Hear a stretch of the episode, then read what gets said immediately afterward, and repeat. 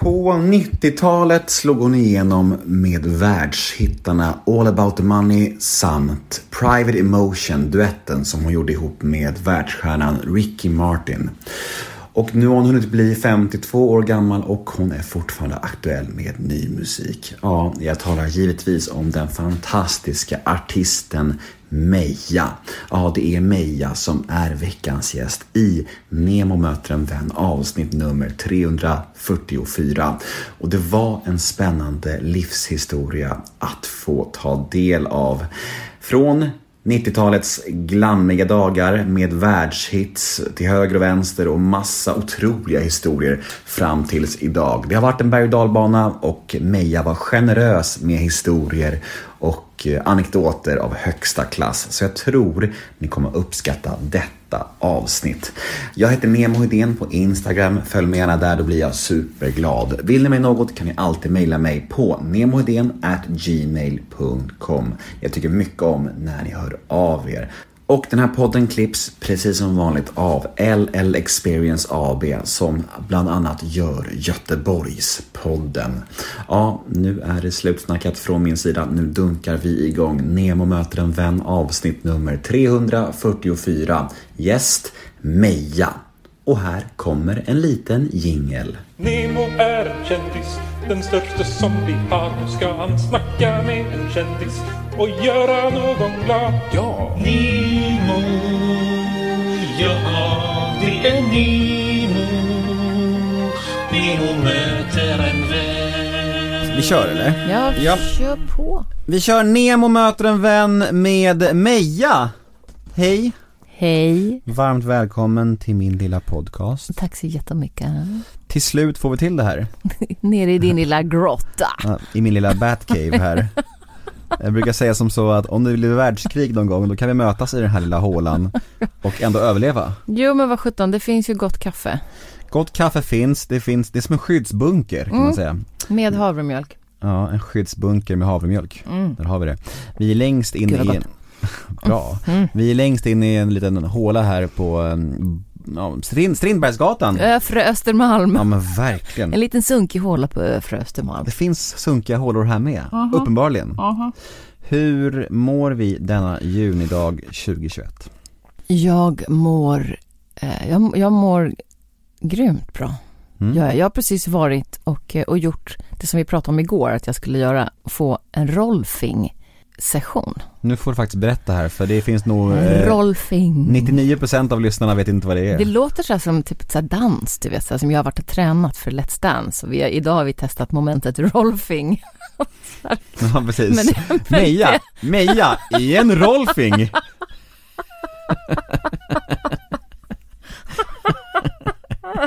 Och då de som vet vad rolfing är så blir det ju helt kajko. Nej men det, rolfing är en, en eh, alltså typ modell mer smärtsam variant av massage kan Mm. man säga. Där terapeuten då är extremt välutbildad och vet exakt hur leder, ligament, eh, hur, liksom, hur benen, hur musklerna, hur allting ligger i kroppen. Och sen går hon in eh, med ganska brutalt starka händer och eh, helt enkelt korrigerar upp kroppen, skapar utrymme, skapar luft och flyttar på det här paketen då som ofta sitter snett. Så vi är ju ganska, vi liksom efter ett tag vi gör olika saker, vi bär fel, alltid väskan på höger, vi överbelastar och liksom då blir vi lite så här sned som vi kanske inte tänker på förrän man börjar komma upp i så här äldre ålder. Mm. Och då går hon in så att man är nästan som en, om kroppen är som en lite så här fört, förtorkad lerklump så går hon in och mjukar upp den här lerklumpen och formar om hela kroppen så att du hittar tillbaka till din balans. Men shit, är, är, det, är det liksom vetenskapligt bevisat att det funkar eller är det lite så här, men placebo, att man, eller? Nej, Det är omöjligt för mig att det är placebo för det gör så jävla ont. Ja, ja, men- och det, men- man märker resultaten. Okej, ja. Så att du står, så att det det finns säkert vissa som har varit, det beror på också vem du går till. Om du går till någon som är, är inte så himla bra, då händer det inte ett skit. Men så Nej. är det ju med allt i livet. Liksom. Men den här kvinnan är helt fantastisk. Så att det, alltså det är nästan, det är nästan, man är nästan som en sån här karikatyr, så här skämtteckning av sig själv. När hon har jobbat igenom halva sidan av kroppen och så får går du upp och ställa dig så får du se på dig själv i spegeln.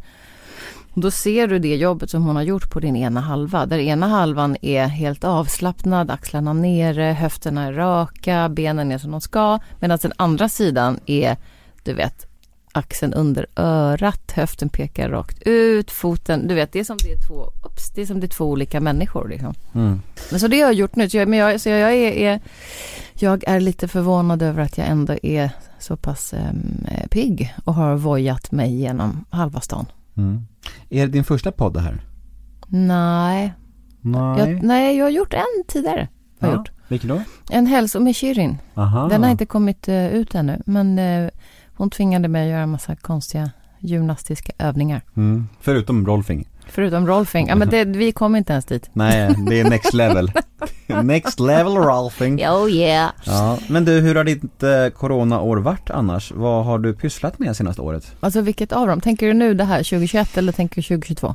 Mm, nej, men jag tänker väl att pandemin, uh, alltså det känns väl som att det håller på att gå i rätt riktning nu, får man ändå säga. Men det har varit liksom så här uh, blommat i ett år. Och Mm. då tänker jag senaste året. Mm. Mm. Senaste år. Nej, Jag har haft det jättebra. Eh, jag eh, lever själv med min lilla hund. Jag är inte över super jättesocial i normala fall ändå. Eh, och håller mig ganska mycket för mig själv och, och, och sådär. Så, att jag, så det har inte varit någon jätteskillnad för mig. Jag har ju bott nere i Skåne under massa år och där är det, det är typ jag och hunden och några vänner liksom. Men annars är det väldigt lugnt och skönt. Havet, naturen. Så att hela, hela förra 20, 2020 var jag nere i Skåne. Mm. Vi kommer komma till det här med eh, eh, att, du, att du lever, ensam och sånt där. Vi kommer prata om allting. Ja. Ja. Så, så du är med på det? Bara, ja. Ja. Vän. Men du, vi ska mm, jobba i en form som jag har döpt till associationsleken. Eh, är du med? ja, jag är med dig. Vi drar igång det här. Associationsleken med Meja. Första ordet är intervjuer. Det absolut roligaste jag vet. Är det sant? Ja, Varför? jag tycker det är skitkul. Men jag gillar ju, som jag sa förut, jag tycker om att sitta och spåna med folk. Och varje människa som jag möter, varje journalist, eh, och människa överhuvudtaget, så, så, så är jag, eh, jag, jag är nyfiken. Och ibland så händer det att det liksom samtalet vänds lite lätt. Så, så att det är jag som, bara så du vet, kommer sluta med att du sitter här och berättar om dig själv istället. Snälla, låt det inte bli så. För du får inte glömma att mina lyssnare har hört mig snacka om mig själv så här 200 gånger. Och de bara, nej inte en till. Ja, men- Ja men det är, problem, det är ett problem, för det är ofta min- mina, mina gäster frågar mig saker och då vet jag så här: okej det här har de hört så många gånger. Nej men grejen är den, jag tycker, om, jag tycker om att prata med folk, jag älskar kommunikation. Och för mig så är en intervju en form av kommunikation. Där då journalisten då har sina frågor. Men det, sen, sen eh, hittar jag alltid olika spår som jag kommer in på. Så kanske frågan ifrån början blir ju kanske inte egentligen det svaret som konkret är svaret på just den frågan. Men däremot så är det en massa andra grejer som man hittar som är roliga. Och sen har jag märkt en annan grej att jag när jag sitter och svarar på frågor så säger jag saker som jag kanske inte har tänkt att jag ska säga. Som jag ibland kan bli så här förvånad över att jag, jaha, sa jag det? Jaha, men just ja, så tycker jag ju. Att det blir en slags spontan eh, kanalisering. Liksom. Mm, mm. Ja men vad härligt, det, det, det båda ju gott. Ja, men att det du tycker jätte- så mycket om det här. Men du, på tal om det då, intervju. Mm. För det har jag skrivit om lite grann i, jag håller på och tåtar på en liten, eh, en liten bok. Mhm. Och då, skri, då skrev jag lite grann om det här med alltså, journalister, intervjuer, vilken skillnad det är beroende på vilket land du är i. Mm, låt höra. Och då eh, har jag ju då jobbat jättemycket i Japan. Och journalisterna i Japan är så himla fina, ödmjuka, intresserade. De har gått igenom varenda textrad. Mm. De tittar på alla bilder. De ser sammanhanget. De vill liksom förstå hur, hur låtarna hänger ihop. Vad varje liksom, litet ord betyder. Om det finns någon liksom, så här hidden agenda bakom att man väljer just den här frasen. Mm. Ehm, och eh, det leder ju i sin tur in till att man kan sitta och få jättefina samtal Mm. som ger både journalisten och mig någonting. Så de, eh, de intervjuerna är oftast, alltså de, även om de jobbdagarna där eller veckorna är liksom, du är uppe sex på morgonen du kör hela dagen och sen så kanske du är klar vid 9-10 på kvällen. Kör du på engelska då? Och sen, ja, Ja. Mm. och sen brukar det ofta vara tolk, en tolk som är med. Mm. Fan vad spännande ändå. Så det är spännande med liksom deras, för deras kultur är så mycket respekt och så mycket, alltså tänka lite utöver och lite bortom. Mm. Och så, så var det en eh, incident där när jag jobbade som en tok och sen så var det en svensk journalist som kom dit. Och då så sa vi att, ja men okej, det får vi komma. Eh, Vi, vi tar den intervjun också, någon av de här skvallertidningarna liksom. Och det var så typiskt klassiskt bara, du vet, första frågan. Bara, Jaha, Mejade. Hur mycket pengar har du tjänat nu då? mm. Och det blir lite så här, nej, ingen aning. Har du någon pojkvän eller? De två frågorna var liksom de två första, och sen förstod man ju att ja, men det här kommer ju, nej, intervjun kommer att vara väldigt snabb. Mm. När var det här? 90, vad kan det ha varit, 98 tror jag. Ja, fy fan. Orkar Så det är, liksom... skillnad på journalistik och journalistik och Mm. intresse och, och också vad du liksom, vad du ställer för frågor. Mm. Tråkigt när kvällstidningarna eh, liksom cementerar bilden av sig själva på något sätt. Ja men det är väl, det är alltså man, i och för sig, man, jag hade blivit förvånad om det kanske hade kommit några andra frågor. Om de bara Men- du vad den här textraden i den här låten, vad tycker du vad, vad tänkte du då? Men de är så gulliga, jag släppte en singel för eh, nu 2019 där i Japan och då kom det journalister över hit som intervjuade och då har de gått igenom textraden och då sjunger jag, då sjunger jag i refrängen 1008 mistakes, 1008 mistakes och det var så här huvudbry. Jag bara, ah, så uh, Meja, uh, why uh, 1008? Mm. Och det är så här, aha, är det någon speciell mening med varför? Så. Men det där är ändå- intressant, du, du är inne på någonting nu, att, att, att nu brukar det oftast vara, lyssnarna tror nog, eller så här, jag har hört från många artister att lyssnare, alltså fans, vill gärna tro att det finns liksom en mening eh, med texterna som kanske inte ens finns. Alltså förstår du vad jag menar? Att liksom så här, oftast finns det så här, något svårare, något uttänkt, när det egentligen bara liksom är pop. Förstår du vad jag menar? Eh, det, det var, det, det var, vem fan var det? Det var väl typ såhär Orup som är Så Mycket Bättre och han hade fått en hälsning av någon som sa till honom bara Ja den här låten räddar mitt liv och den har förändrat allt för mig och han bara Det är ju bara popmusik. Jag tycker det var så kul. Ja men det är, men någonstans är ju, för mig så är musik, eh, jag har alltid, jag har alltid en mening med, alltså jag sitter och snickrar till förbannelse på Mm. mina texter. Ja men då så, då så det, stämmer så inte det det, på dig då? Så det, så det kanske, men sa- samtidigt alltså, det, sen är det, musik, men musik är ju kraftfullt. Musik kan ju faktiskt gö- alltså, ha en otroligt stor betydelse för människor i alla olika stadier i livet, både glädje och sorg liksom. Ehm, så att där är jag nog liksom att möta, för jag tänker varje låt, varje text tolkar du ju själv utifrån vad du kommer ifrån och vad Mm. du har för känsla och vilken situation du sitter i just då. Liksom. Och kan det på något sätt då hjälpa dig upp eller att det är någonting som får dig att minnas någonting eller liksom så är det, det, det är så otroligt individuellt. Verkligen. Exakt. Ja, men vi går vidare. Mhm. Nästa ord är uppväxt. Överallt. Mm. Men väcker det en, en positiv känsla? Ja men det gör det, absolut. Det gör det, verkligen.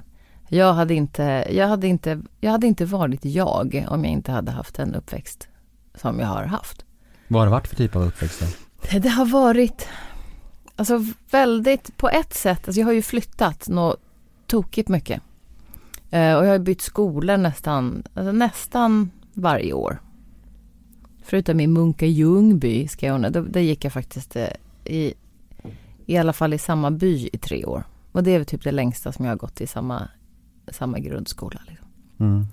Ehm, så att vi flyttade runt, ja, det har liksom, det har varit en, ehm, en konstant resa. Men vad var det för typ av barndom? Eh, men jag, menar, jag menar liksom dina föräldrar, var det, var det arbetarklass eller hur, hur såg det ut?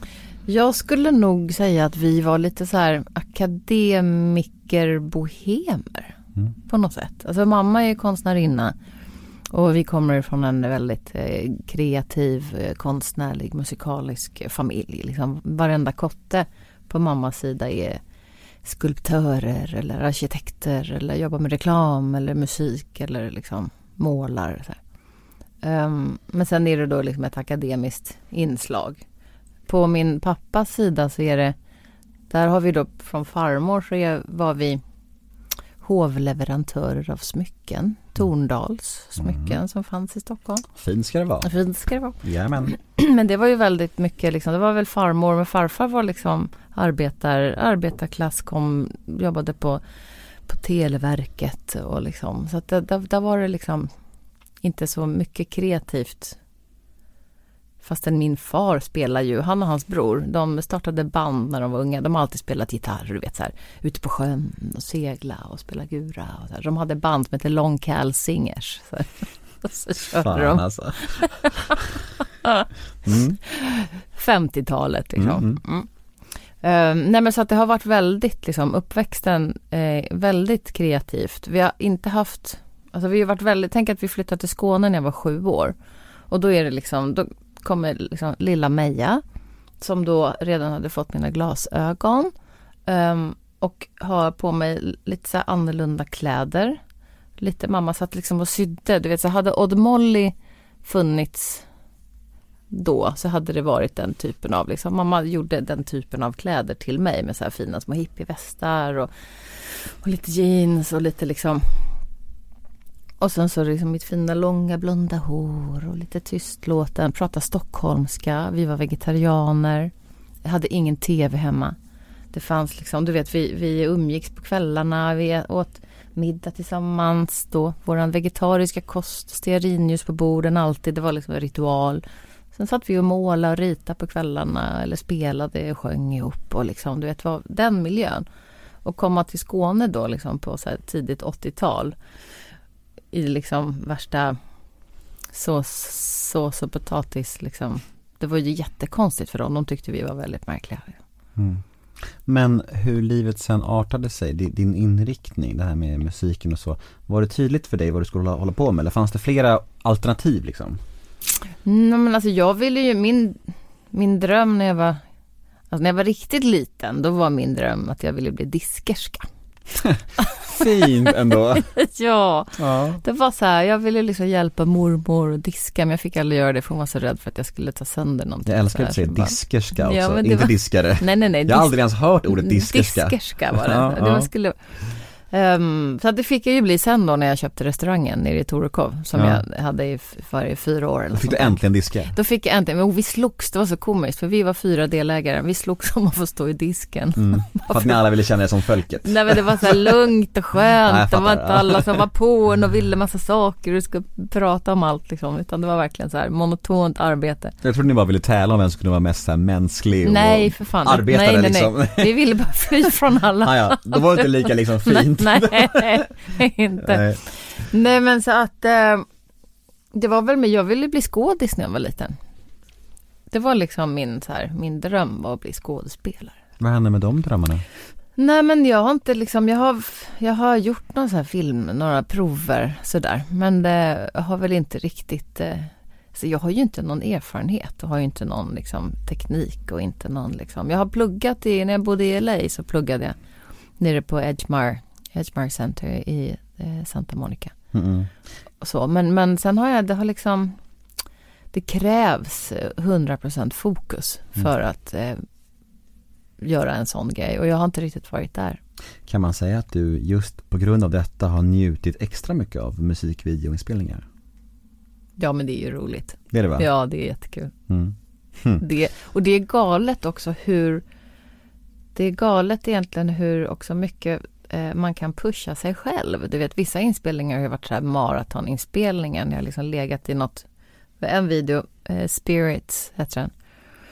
Vi åkte till, åkte vi till Polen eller var vi nu var någonstans och spelade in den. Liksom, jag ligger i något så här badkar med min stora vita klänning och liksom och det är ju bara några sekvenser i den här korta videon. Men jag tror jag ligger i det där badkaret i liksom Alltså lugnt fem timmar. Mm.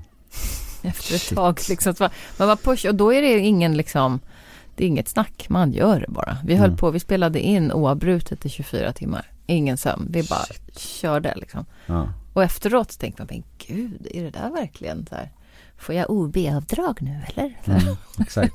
Jag bara, nej, nej, det är bara att köra. Du fick betalt i typ amfetamin för att, hålla- för att hålla dig vaken. Typ som jag inte visste fanns där. De hade slängt det i badvattnet. Så när jag fick lite kallsupar så var det så här, whoops, accidentally. jag, jag orkar mer, vad hände? Helt plötsligt blir jag väldigt pigg. Ja, du ser. Ja, vi kör nästa då. Eh, nästa ord är ångest. Ångest, jo men den finns ju. Eh, Latent. Den, latent. Eh, upp och ner, upp och ner, upp och ner, hela tiden. Jag vet inte om det är ångest eller om det är eh, depression. Jag tror nog att det i, min, i mitt fall är mer frågan om depression Mm. än ångest. Hur tar det sig uttryck? Eh, Det tar sig uttryck i ehm, alltså så här, total, håg, eh, total håglöshet. Någon form av den här klassiken, du vet det där svarta hålet. Men det är verkligen ett svart hål som inte är som är otroligt svårt att kravla sig upp ur. Så det blir någon slags emotionell, eh, en emotionell avtrubbning. Ingenting är roligt, ingenting är värt någonting. Det finns ingenting som är liksom, du vet, man går ut och tittar på solen, så här, försöker och liksom, du vet så här. Nu har jag hund, jag tror att min hund har ju räddat livet på mig så många gånger. För att det är verkligen, det är liksom en liten krabat som står där, är alltid glad och vill alltid ut. Liksom. Mm.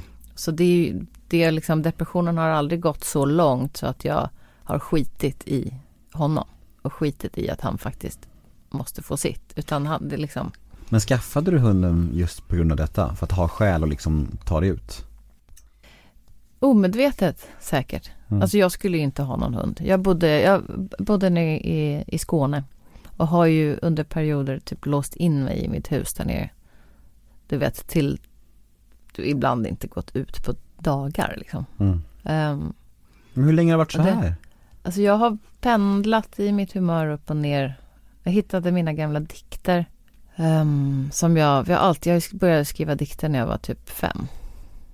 Då var det ju jätteglada grejer. Men sen hittade jag dikter från 87, 88. Mm. Och där började det liksom att bara, oh, vad hände här? Så här mitt ihåliga skratt och Mm. liksom du vet så här, riktigt så här depp, deppodikter. Men om du ska hobby, psykolog, analysera det här, var kommer det här eh, mörkret ifrån? Alltså jag tror att det är, jag tror det är genetiskt. Jag tror att det ligger en ihopkoppling av, jag har ju gått och gjort utredningar och grejer. Ehm, och ehm, i en kombination av det här liksom upp och ner pendlandet, i en kombination av någonting som, som nu är en eh, vedertagen diagnos, eh, HSP, Highly Sensitive Personality, där man då i, i forskningen har sett att det är kanske jag tror att det är runt 20 procent av planetens befolkning som har en hjärna som är uppbyggd på ett visst sätt som gör att man är översensitiv för, för eh, sin omgivning, för element, för intryck. Man behöver mer tid för återhämtning. Man liksom, hjärnan funkar helt enkelt inte riktigt likadant som på andra normala som inte kan förstå att det kan vara jobbigt att gå längs Valhallavägen för att det känns som att alla bilarna åker in i en och genom en. liksom. Mm, mm, Så att det, det, det, är, det, är en, det, är en, det är en kombination. mm. När har du mått som bäst?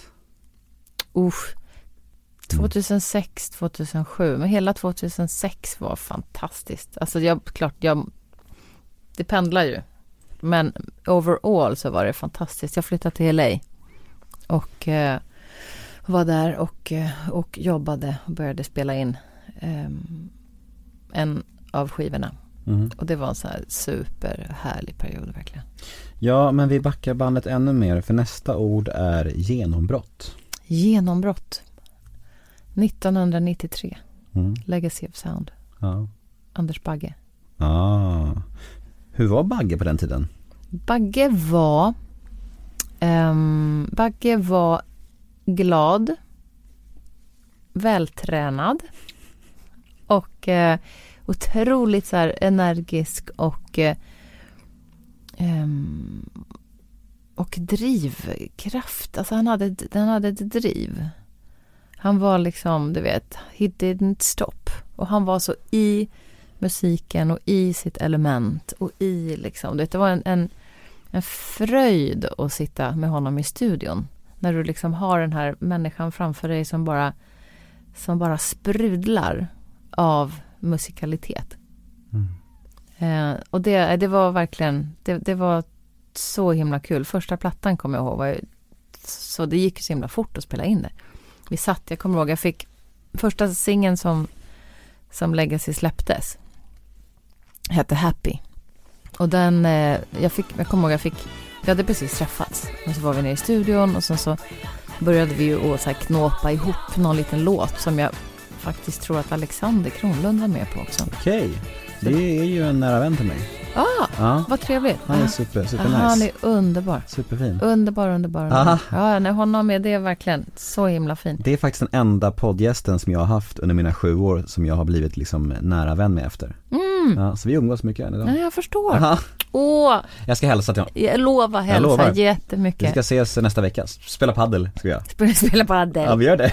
Ja, men det är toppen. Det var han som drog in mig i paddelvärlden i somras. Och nu är det kört. Ja nu är det kört. Men jag kan tänka padel passar dig bra.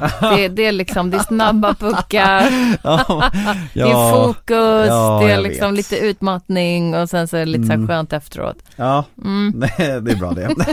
Men han var med då alltså?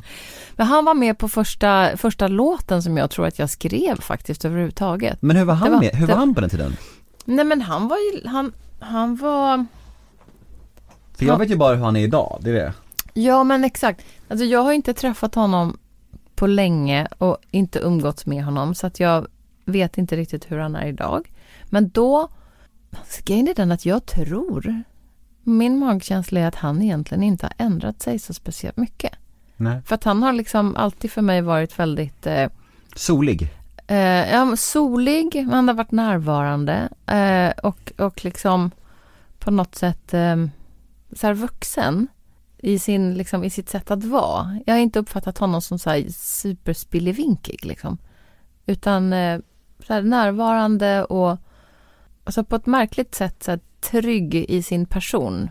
Fastän jag vet att det inte alltid är så. Han kanske har mognats åt andra hållet med tiden då? Han är lite barnslig nu alltså. Ja, det kanske är så att det har gått åt andra hållet. Att ändå. han, att han, liksom, Be- han tog... vad vad heter den här filmen? Benjamin Button? ja, Alexander Kronlund. Men han, han var alltså med och skrev din första låt? Nej men mi- den första låt som jag och Bagge skrev, Mm. eh, den, eh, där, där var han med eh, Mhm. och skrev. Och sen så fick jag liksom, dag två så fick jag ett kassettband av Bagge. Med, där han hade gjort ett backtrack. Så Mm. bara, här har vi en idé, ta med den här hem. Kassettband, du vet. Mm. Så jag gick hem och satte mig med det här kassettbandet och eh, tåtade ihop en melodi och skrev en text. Och kom till studion dagen efter och presenterade det som blev Happy. Mm. Och det var liksom första, det var första låten som eh, jag var med på ehm, som släpptes i 24 länder jävlar. direkt. Så att det blev liksom ett genombrott. Mm. Ehm, sen hanterades ju det av skivbolaget, är inte speciellt briljant. Nej, Ehm, de kunde liksom inte ta vara på det. inte för fem öre. Nej, på vilket sätt? Nej men, alltså, hade jag varit skivbolagschef och jag har en artist där jag ser att liksom, singeln börjar klättra på Billboard Dance Charts och den börjar få liksom heavy rotation i Kanada och det börjar hända lite grejer där borta. Så tror jag nog att jag hade ordnat eh, en liten resa över Mm. till den här artisten för att promota den lite grann. Ja. Ja fan, ja. Du får vara bitter, det är okej. Alltså, alltså det, det, det hade jag varit. Ja, men jag, det, jag, tänk, jag tänkte nog inte på det så mycket då, för det var mer liksom så här, ja, ja, det, men det, efteråt så bara, fan, det här är jävla märkligt. Jag vet att de skickade iväg mig en gång, alltså en eller två gånger. Min första promotionresa med Legacy, det var till Tyskland. Men då, då stod jag där på det här, åker iväg. Jag har ju liksom rest mycket innan och varit eh, liksom i, Innan Legacy så bodde jag i LA och gick Musicians Institute. Um, och har varit liksom runt, runt och rest mycket. uh, så att jag kände mig inte helt lost men ändå landa på Frankfurts flygplats. Pre-mobile phones och lyckas hitta en, en telefon, slänger dit mynt. Ringer till min dåvarande manager Niklas Lutman och bara Niklas, uh, det är ingen som är här. Så, då har de liksom skickat iväg mig en dag för tidigt. Oh. Alltså, det fan, så liksom, den organisationen var Så jävla speciellt alltså. Ja men då var han så här, äh, Meja, äh, har du pengar? Så, ja det har jag. Så här, Okej, bra. Eh, ta en taxi. Eh, åk iväg till eh, Marriott. Ta in i sviten. De får lösa ut det sen. Mm. Då, bara, då, då känner du bara så här, då, då är hon förlåtna. Då är det okej.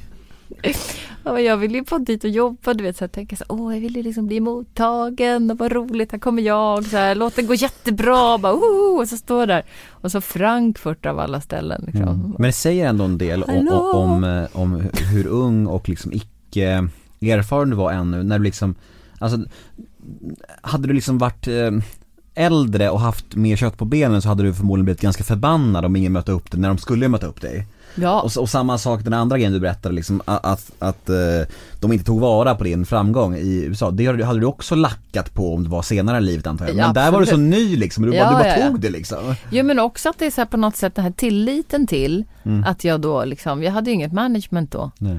Eh, utan tilliten till, om man, för man, man skriver ju, alltså när du skriver ett artistavtal med ett major skivbolag så skriver du ju egentligen iväg you're fucking selling your soul. Mm. Om du inte har någon som går igenom dina avtal så kan du hamna alltså riktigt, riktigt ruggigt illa. Mm.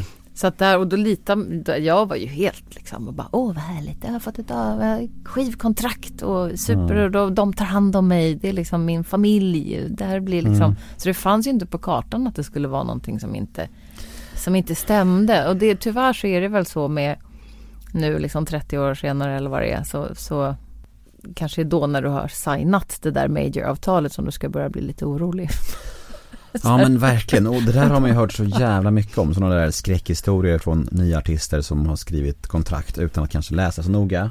Man, man är smickrad och, och, handlar i god tro liksom och så är man fast i någonting som bara är skit liksom. Ja, men det är nummer ett. Alltså Ja. verkligen, verkligen, verkligen. Skriv aldrig på ett enda papper utan att du har någon kunnig Ja, jurist eller människa utanför skivbolagets eh, kontaktnät. Men många måste ju tyvärr gå den vägen, att lära sig genom bittra erfarenheter. Eller hur? Ja. Som jag! Ja. Juhu! Nej men det var inte så, ja, det var inte så illa. Alltså Men det, var, men du får, det var, du, du, får, du får vara lack, det är okej, det är bara lite, jag tycker det är ärligt och det är mänskligt, för det hade jag också varit. Ja fast grejen är den att det var liksom inte, jag, jag var, när det gäller legacy så var det inte så, inte en sån big deal. För det Nej. var inte något, alltså det var ett featuring-avtal och det var liksom, det var inte, utan då i sådana fall så har jag, då är jag liksom, det finns ju lite, det finns ju senare erfarenheter i livet. Vi, kom, vi kommer till det, Där- vi kommer till det.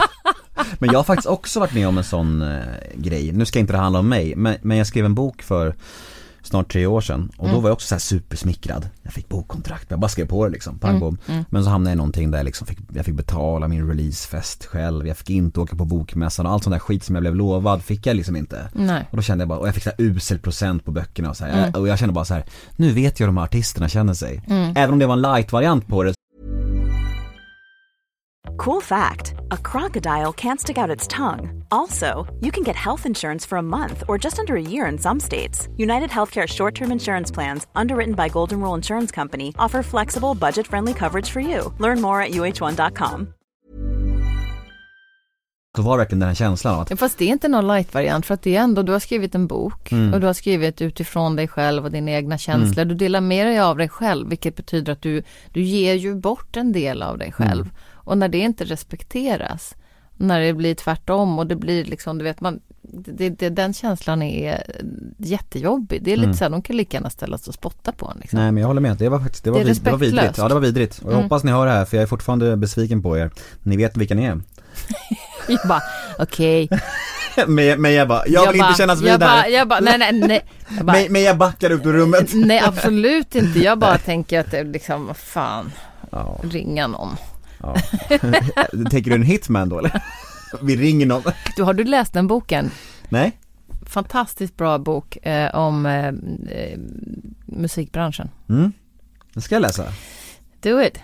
Du, eh, nästa eh, ord är någonting som jag inte vet om det är känsligt. För, Mm. för, för vissa människor kan det vara känsligt, men jag vet inte om det är det för dig. Men du känns ganska ledig i hela din uppenbarelse, så jag tror inte det är så känsligt. Men jag testar. Barn. Barn. Du har inga barn? Inga barn. Nej. Nej. Hur, eh, vad tänker du kring det? Alltså barn, alltså barn är, kan vara jättegulliga och söta och de kan vara så in i helvete jobbiga. Jo tack, du, preaching to the choir, vad säger man? Nej men jag, barn, jag älskar barn. Eh, jag, eh, jag tycker om att kommunicera med, kanske det jag ska göra när jag ska göra min podd. Barnpodden. Mm. Snacka med ungar. Och få så här deras view på saker och ting. Mm, mm. Jag, eh, jag, jag tycker jättemycket om barn. Ehm, jag har inte några egna barn, vilket har varit och är en stor sorg. Men eh, det, min kropp, liksom, det blev aldrig några barn. Och min tanke och min känsla av det här med barn är att det är ju någonting som ska ske, eller i min värld så är det liksom, jag vill att det ska ske naturligt. Att det liksom, ah, nu är kroppen så pass, nu är kroppen mottaglig, nu vill den föda barn. Um, och det har aldrig hänt. Inte ens när, liksom, när vi har försökt. Mm. Men är det en känslig fråga? Ehm, nej, inte nu, det tycker jag inte. Nej. Det tycker jag inte. För det är ju också ett, jag menar jag hade ju kunnat såklart åka iväg och inseminera och hålla på och greja och fixa och liksom du vet så här den stressen som jag förstår att det är och framförallt om det är så, jag vet många kvinnor som har gått igenom allt det här och ändå inte blivit gravida. Att det blir på något sätt Mm. också det, oj, en mental liksom, Då blir det dubbelt nästan. ja med dubbel stress. Dels Ja. att man inte får barn och sen har man försökt som en tok och sen så funkar det ändå inte och sen så blir det ett jätte liksom, det blir ett jättehål. Och då har Mm. jag, där har jag liksom, nej jag, jag har tänkt att jag hålla mig, hålla mig till det naturliga. Vill min kropp, är det så att den här kemin fungerar, då blir det barn. Mm. Eh, För jag kommer ihåg att jag intervjuade en komiker i Göteborg och, som, som är i din, din ålder Mm. och inte har några barn och jag frågade om det här och då fick jag ett argt mail från någon som sa Du kan inte fråga folk som inte har några barn, det, det är jättekänsligt för vissa människor, hur tänker du? Och var jättearg på mig. mhm. Men jag tänker så att jag förstår att det kan vara känsligt för människor men jag tycker ändå att det är en, en fråga som Alltså att du pratar om det så här Mm. Kan ju hjälpa någon, tänker jag. För det finns ju många människor ute som faktiskt vill ha barn som inte har fått det och som kanske känner sig jätteensamma och ledsna i det. Mm. Och att folk då pratar om det tänker jag bara är någonting positivt, tänker jag. Absolut.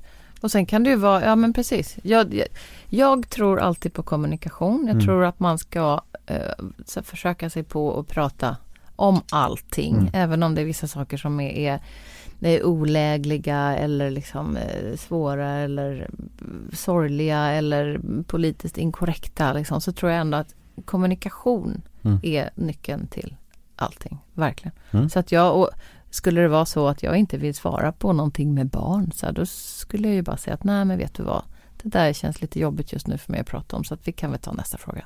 Mm. Och det gör vi nu. Vad gör vi nu? Men jag kan prata vidare om barn för de är, jag har en jävla massa gudbarn däremot. Ja, Du kan få låna mina barn.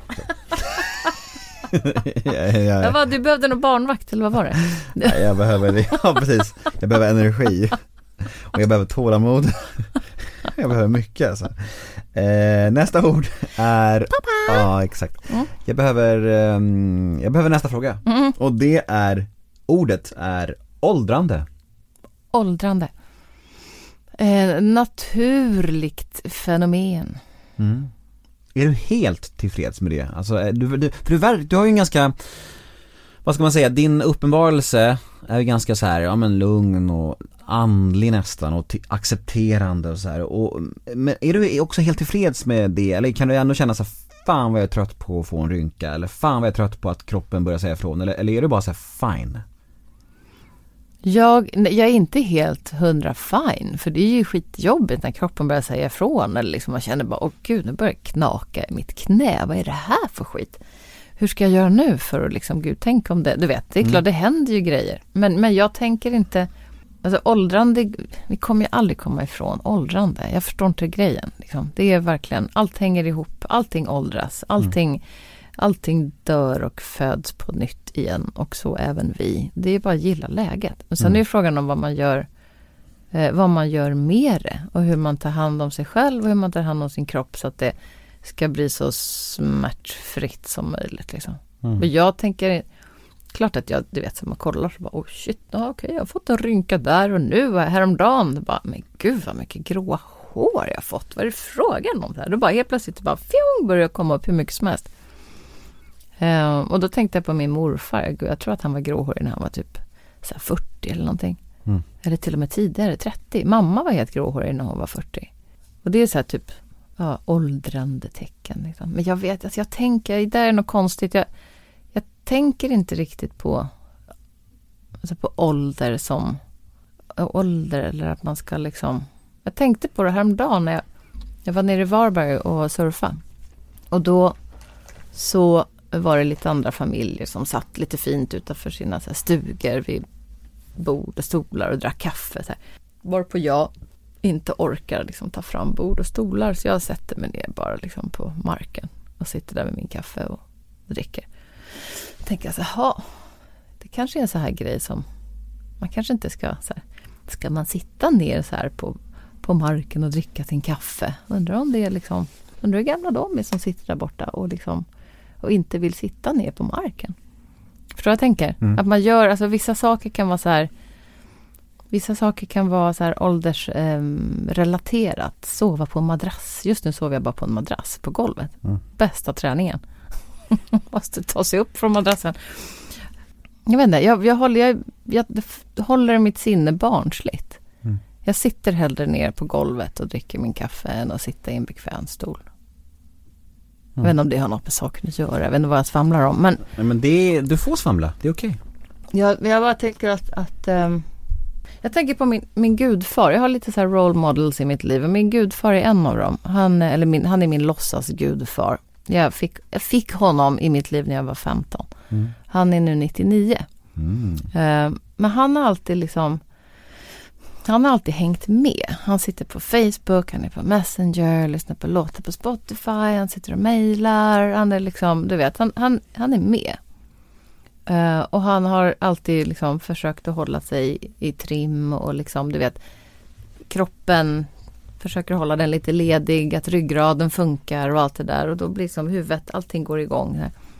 Och han har alltid, jag kommer ihåg när han fyllde när han fyllde 75 så hade han ett stort partaj i London. Så man brukar hålla sig grandiosa tal och då avslutade han det grandiosa talet med att säga Well and ladies and gentlemen I thank you so much for coming here celebrating my birthday. I'm 25. Again and again and again. Mm, härligt ju. och där tänker jag ofta på att bara, äh, men jag, jag är fortfarande, jag är 35 i mitt huvud. Mm. Och jag tänker eh, hålla mig till det. Fan, det är så jävla sjukt det där. För att när man var liten, när man var typ så här 12, då sa ju alla vuxna så här. Ja, men jag är 40 men jag känner mig inte vuxen, jag känner mig som 20. Alla sa ju det. Mm. Och nu är man själv eh, äldre, Hur, börjar man gammal, bli hur gammal är du? 33. Och jag kan känna att, ja, ja men jag känner mig också, ja men jag känner mig som 20 liksom så här, i, skall, Mm. i skallen. Mm. Men det är aldrig man hör tvärtom. Det är aldrig så att man hör en 18-åring som säger, jag känner mig som 45. Det hade, det hade ju piggat upp. Åldrande, ja men åld, ja nej för skit i åldrande. Vi går vidare. Lev. Bra. Ja. Nästa ord är alkohol. Negroni. Vad sa du? Negroni. Är det, vad fan är det? Negroni är en fantastiskt god drink eh, som är eh, lite så här eh, pre-dinner. Mm. Eh, det är eh, en tredjedel Campari, en tredjedel gin och en tredjedel eh, vermouth. Mm. Eh, med massa is. Det ska helst liksom ligga och gojsa ihop sig lite grann och sen så ska man ha en liten eh, apelsinklyfta till eller liksom ett litet apelsinskal som du lägger i så att du får den här lilla apelsin. Men, men hur ser din relation ut till alkohol? Och hur, hur har den sett ut genom åren? partaj, liksom partaj, partajig. Eh, väldigt mycket så här perioder där jag inte har druckit överhuvudtaget. Eh, andra perioder där jag liksom matchar kanske lite för mycket. Så Mm. väldigt, väldigt periodigt. Nästa ord är en, eh, en mening kan man säga, en låttitel. All about the money. Att det är häftigt hur en låt kan förändra ens liv så mycket. Den låten är så, dels att det var väldigt roligt att, att skriva den åt det där och sen att det var nästan så att den inte ens kom med på plattan. Den var liksom den sista låten som skulle på plattan. Mm. Och den höll nästan inte på att komma med. För att det var massa så här sista minuten meck och deadlines och liksom det skulle ändras och mixas och mastras och det var någon basgång som var fel och det var du vet massa så här stuff. Mm. Ehm, och vi förstod nog inte riktigt att det, det skulle bli så stor låt som, som det blev. Men sen hur den har öppnat upp massa dörrar, alltså alla roliga saker som jag har fått göra tack vare att den låten har börjat började spela så mycket. Du är ganska glad att du skrev den va? Att du var med och skrev den och att det inte var en producent som skrev den? Ja, det, absolut. Alltså Mm. det är, ju- jag skriver ju nästan allt Ja, men- själv. Eller jag är ju alltid med och skriver liksom. Ja men du De- måste, nu vet, vet jag att du inte gillar att prata pengar men du måste ju nästan kunna ha levt på den låten hela ditt liv nästan, eller? Alltså, att leva på en låt, ehm, då måste man då i och för sig vara väldigt duktig på att förvalta de pengarna som då kom in. Mm. Och Är du det? jag bara, I wish. Ja. Nej, alltså under, var, den, under den perioden, alltså från eh, 98 fram till kanske 2000, eh, ja, men 2006, 2007. Då, då, där hade jag ju liksom ett kapital som jag hade nu såklart i efterhand kunnat förvalta på ett helt annat sätt. Mm. Men alltså det går inte ihop med min, jag är, jag, nej. Mm. Jag har inte förvaltat det överhuvudtaget. Så att det blev, alltså det var så pass illa så att jag, så jag, jag åkte över då som jag sa till LA 2006 och började spela in den här skivan och jag, alltså du vet, så här dumdristigt men bara så här, äh, vi ska bo på Sunset Marquis, det är superhärligt. Vet. Jag bodde där, jag tror jag var där i säkert, jag måste ha varit där i säkert en månad eller någonting. Mm. Liksom. Och sen hyrde jag lägenhet, men sen var det massa studiokostnader och alla så här sköna musiker och producenter som jag hittade där som var svindyra och liksom stråkarrangör, alltså du vet, det, det sprang ju, den där plattan sprang ju iväg så det bara vissla om det. Mm. Um, Blev det värt det då? alltså emotionellt och, och liksom eh, så här kontaktmässigt och allting så var det absolut värt det. Mm. Ekonomiskt då? Nej för fan, absolut inte. Nej, inte, nej, nej, nej, nej, alltså nej, verkligen inte. Utan det där är ju liksom ett, det är ju då ett stort, ett stort ekonomiskt hål efter den var klar. Så då ringer min ekonomiansvariga ringer och bara, Meja, vad har du gjort? Du har 5 000 kronor kvar på ditt konto. Mm. Eh, har det hänt något? Mm. Men vadå, skulle du, skulle du stå för alla de här eh, studiokostnaderna och allt det där själv? Ja, jag spelade in den. Jag, jag, tänkte, jag, jag tänkte att jag var så här, så här, nej men nu jag gör liksom, jag har gjort de senaste skivorna som jag har spelat in, har Mm. jag ju gjort helt själv.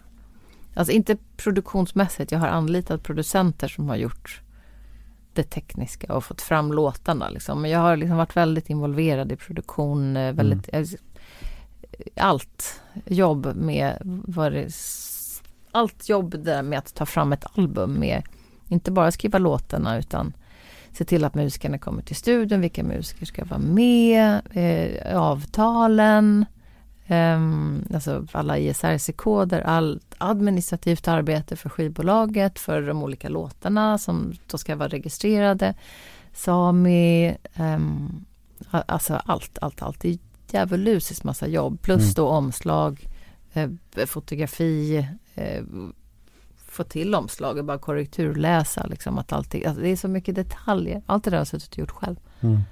under nu en jävla massa år. Och det är egentligen helt galet. Det brukar ju vara så här kanske i alla fall två pers eller tre på skivbolag som gör det jobbet. Liksom.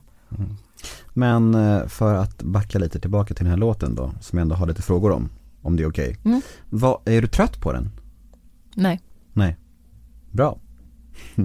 Och när ni skrev den, du sa att den inte var nära, nära på att inte komma med på plattan Mm. ens. Sånt är ju, det är lite av en klassiker nästan känns, känns som att det kan vara som med de här brottarhitsen. Mm. Eh, Men, men minns du när ni skrev den? ja du det. Ja. Eller Känn, det gör jag. känn, även om den inte var nära på att komma med, kunde du ändå känna att den hade någonting speciellt? Eller kan man aldrig veta sånt? Nej, man kan fan inte veta. Man, jag tror, nej.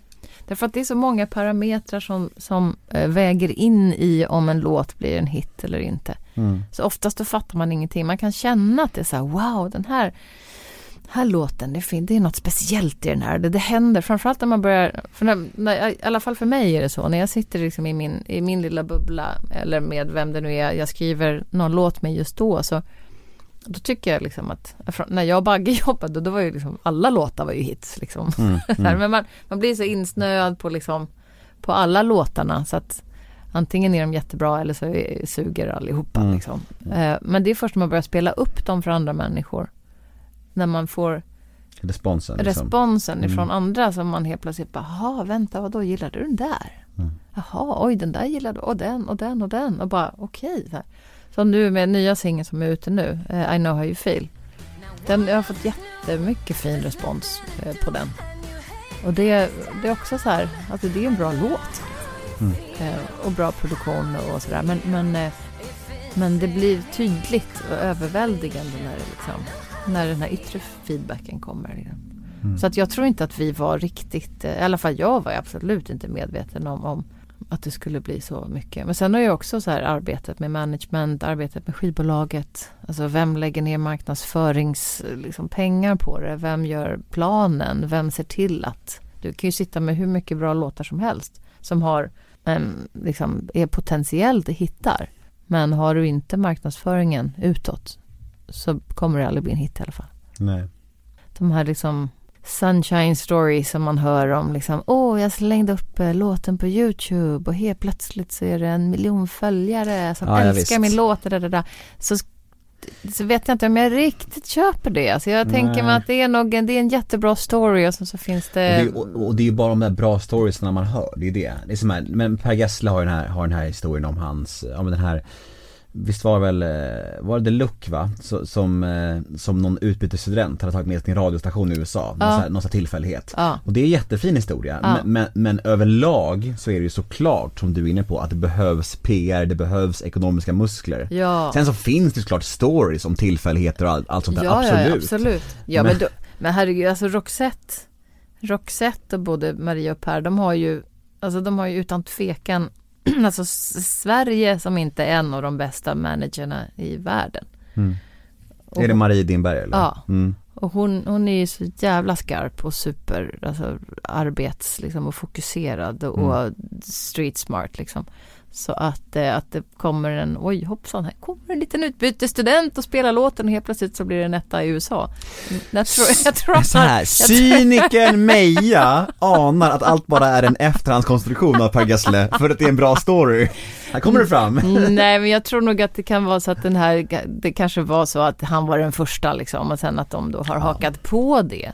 Ja, Då Mm. krävs det ju att du, att du är liksom slipad och att du liksom okej nu börjar den här spelas här och här och här. Okej Mm. vad ska vi göra nu? Ja, men då måste vi lägga in och där kommer eh, ett briljant management in och hugger tag i möjligheten. Mm. Per, om du vill komma till podden och eh, bekräfta eller dementera Mejas uppgifter så då är du välkommen. Men du, när det började liksom eh, blow up under de här åren här Mm. med eh, den här, det blev ju en världshit får man säga. Mm. Ja, den, den var väl på listorna över hela världen liksom. Mm. Vad, vad hände med dig då? Alltså att bli så stor och, och, och blow up liksom och vad hände? Var det, var, det, var det vissa situationer här i livet som du liksom så här, där, som du minns specifikt att vad, vad är det som händer nu? Hur blev det så här liksom? Det beskriva din tillvaro och din, din, hur du mådde den här tiden liksom, när det blev så stort? Nej, men alltså, jag tycker om att jobba. Jag är Mm. ju sån där som tycker att jag tycker att det, det är ju roligare ju mer ju längre promotionscheman desto bättre. Liksom. Mm. Jag tycker det är kul. Eh, däremot så blev det, jag kommer ihåg att vi hade ett samtal, vi var och spelade in eh, en video i Miami. Men då kommer jag ihåg att jag hade ett samtal med min dåvarande manager. För att då, då skulle, eh, för USA släppte en av skivorna. Sony, Sony USA släppte en av skivorna och då ville de fokusera då på, då skulle de, då skulle de fokusera på en dansremix av eh, eh, How Crazy Are You som låten heter. Och att vi skulle liksom då gå in och bygga vidare på något sätt så skulle det byggas vidare på om det var legacy eller någonting men vi skulle liksom gå in då via dansvägen. Mm. Och, ehm, och då var jag, då hade jag, det här måste ha varit typ 99, 2000 och sånt där. Och då har jag liksom kört stenhårt från 2006, 7, 8, 9 och, och var jätte, jätte, jättetrött. Och eh, kunde inte få ihop det där riktigt. Jag kände ingen liksom, motivation. Jag hörde den här liksom, zda, zda, zda, zda, zda, den där dansversionen som jag skulle åka runt och promota på radio. Och det var så långt ifrån mig. Jag ville göra, jag ville ha liksom originalversionen, eller liksom livemusik. Jag liksom ville ha så här, något annat. Så att jag fick inte ihop det och då tackade jag faktiskt nej till den lanseringen. det var så det var då. Det var så jag, jag blev tvungen, jag var tvungen att göra så för att, för att balla med själv. Mm. Men annars så, jag, så jag vet inte om jag har, jag vet inte om jag har ändrat mig speciellt mycket. Liksom. Det där är nästan så en fråga man får ställa till kompisar eller till liksom samarbetsmänniskor. Liksom. Jag tror att jag, i, i mitt huvud, jag, så tror jag att jag har hållit mig mer eller mindre liksom. Men fanns det, Likadan. något, fanns det något, något ögonblick där du, kände- där, du, där du kände så här bara shit vad stort det blev? Hur blev det så här? Där du liksom fattar att vidden av det framgången där, när det ändå liksom blev så stort? Nej, Nej, nej, du bara hängde på. ja. Ja, skönt. Det kan vara nästan så här, så bara, nej men vänta, ska du inte bli större? Det är bra, bra. Det är ju de människorna som tänker så som blir störst, så det är bra. Nästa ord är ett namn och det är Ricky Martin. Ja, så himla fin, behaglig, eh, härlig person. Berätta, hur, ni jobbade ihop. Ni gjorde en låt ihop. Mm. Ja, hur kommer det sig? Vad hände där? Det var, eh, nej men det var skivbolaget eh, faktiskt. UK, Sony UK fanns en, en av cheferna där som heter Richard Ogden. Som jag hade jättefin kontakt med och han höll på och eh, de jobbade med Ricky Martins första engelskspråkiga album. Vuelve. Nej, det är väldigt mycket spanska.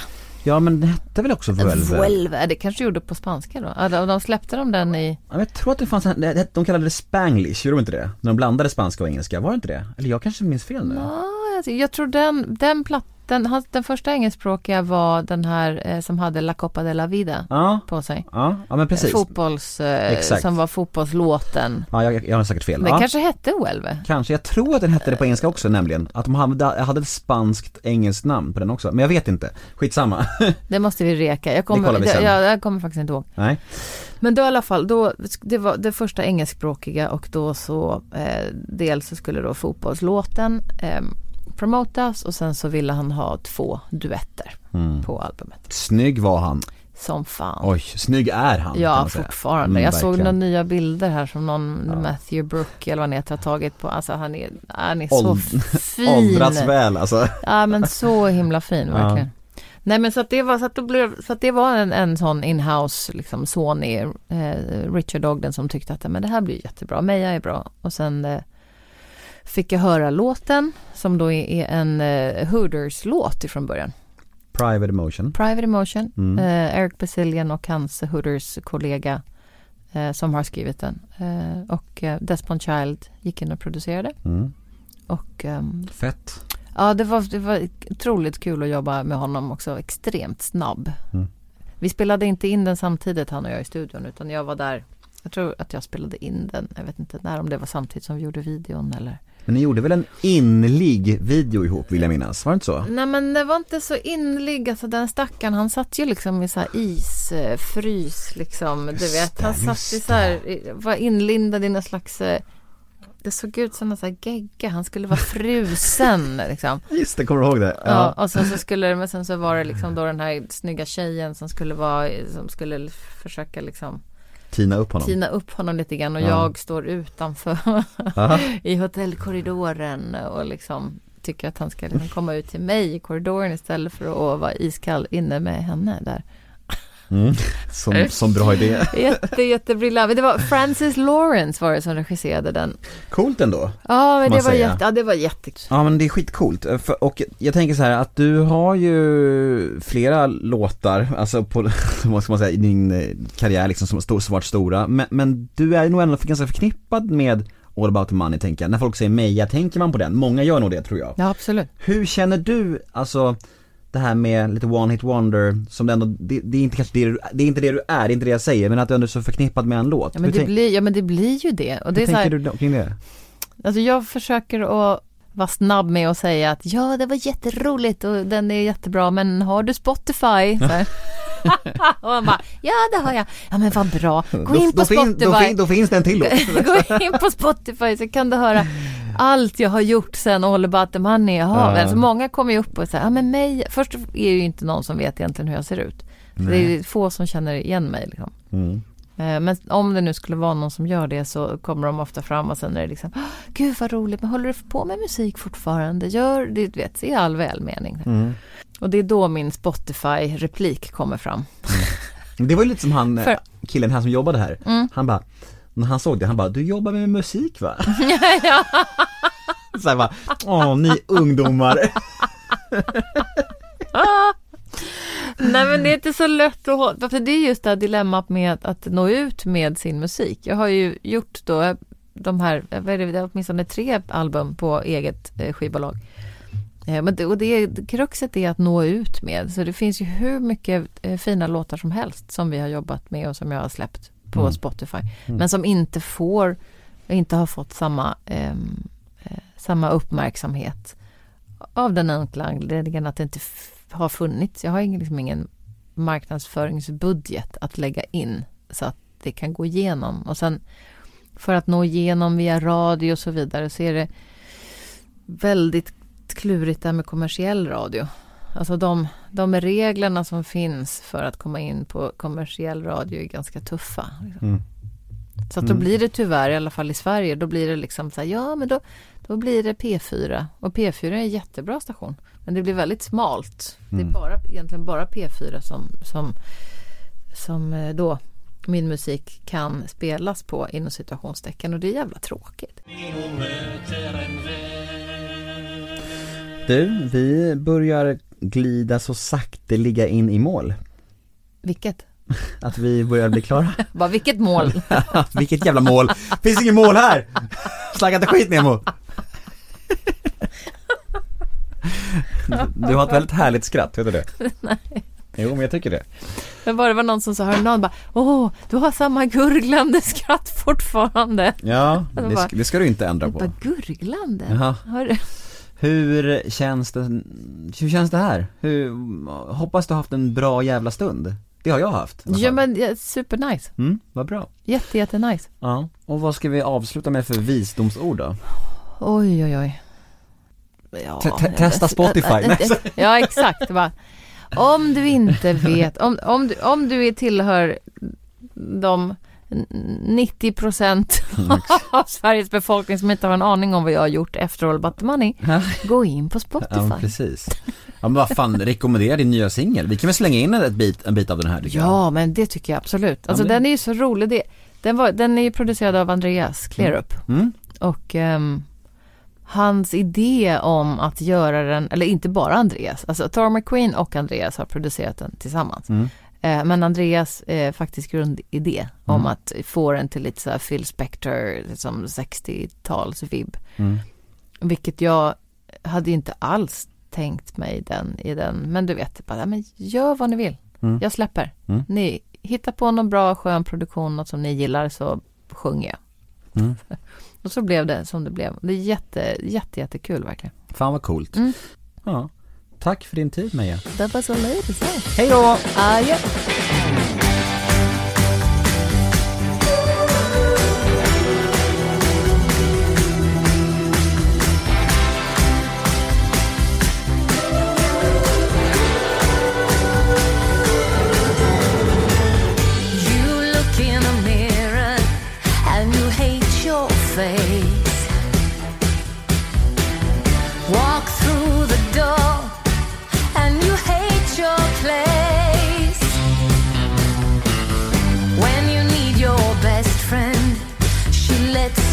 down.